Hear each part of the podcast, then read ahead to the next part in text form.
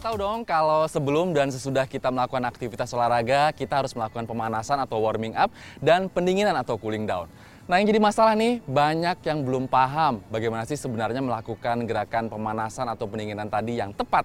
Karena dua ritual tadi sebenarnya harus dilakukan dengan benar agar kita bisa terhindar dari cedera.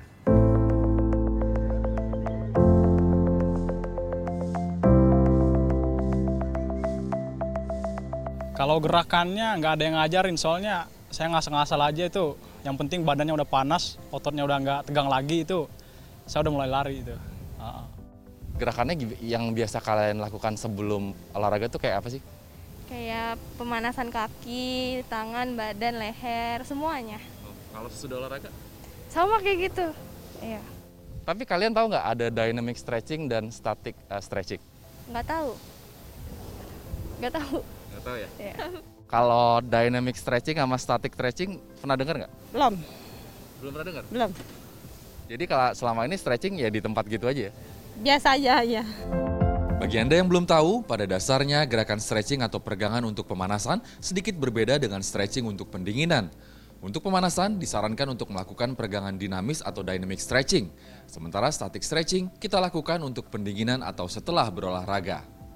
Karena dynamic stretching itu, ketika kita melakukan dynamic stretching itu sebenarnya sekaligus dengan kita melakukan pemanasan. Jadi mempersiapkan otot kita untuk bisa berolahraga, meningkatkan suhu tubuh dan mempersiapkan ototnya untuk siap melakukan olahraga.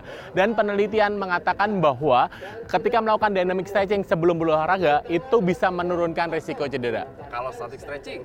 Nah, kalau static stretching sebaiknya dilakukan setelah berolahraga. Karena e, dengan melakukan static stretching itu merilekskan atau meregangkan ototnya dan menurunkan resiko cedera juga ketika dilakukan setelah olahraga. Sekaligus men- mendinginkan suhu tubuhnya. Kita akan praktekin ya. Kita mulai dari satu dari sini. Oke, sebenarnya pada prinsipnya melakukan ngikutin ya, ya ngikutin ya. Kita melakukan peregangan untuk bahu dulu. Misalnya kan biasanya kalau statik kan kita cuma lakukan seperti ini. Kita sambil lakukan sambil gerak. Oke. Sambil jalan. Berapa lama dok kira-kira? Eh, durasinya mungkin 10 sampai 15 menit lah ya atau sampai sesiapnya tubuh kita. Terus kemudian bisa juga kita buka open chest terus kemudian kita buka. Jadi sambil meregangkan otot-otot dada. Ini sambil jalan ya dok ya? Sambil jalan atau sambil lari-lari kecil gitu. Sekarang kita melakukan peregangan untuk otot betis. Gerakannya jangan dihentak, rasakan seperti ada gerakan stretching sambil sambil melakukan gerakan. Oh, iya, ya, Ya, betisnya dok? ya.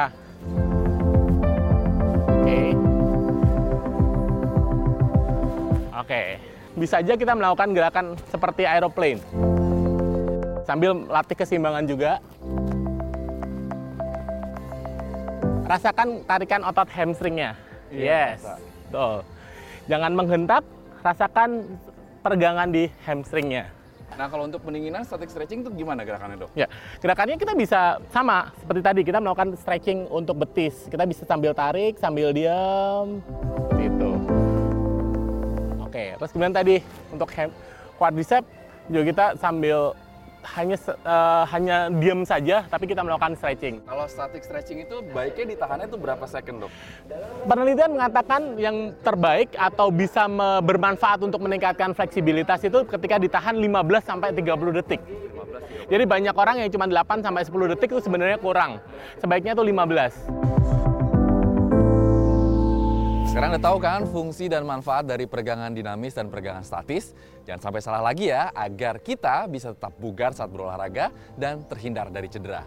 Erlangga Wisnuaji, Softan Herdiagama, Jakarta.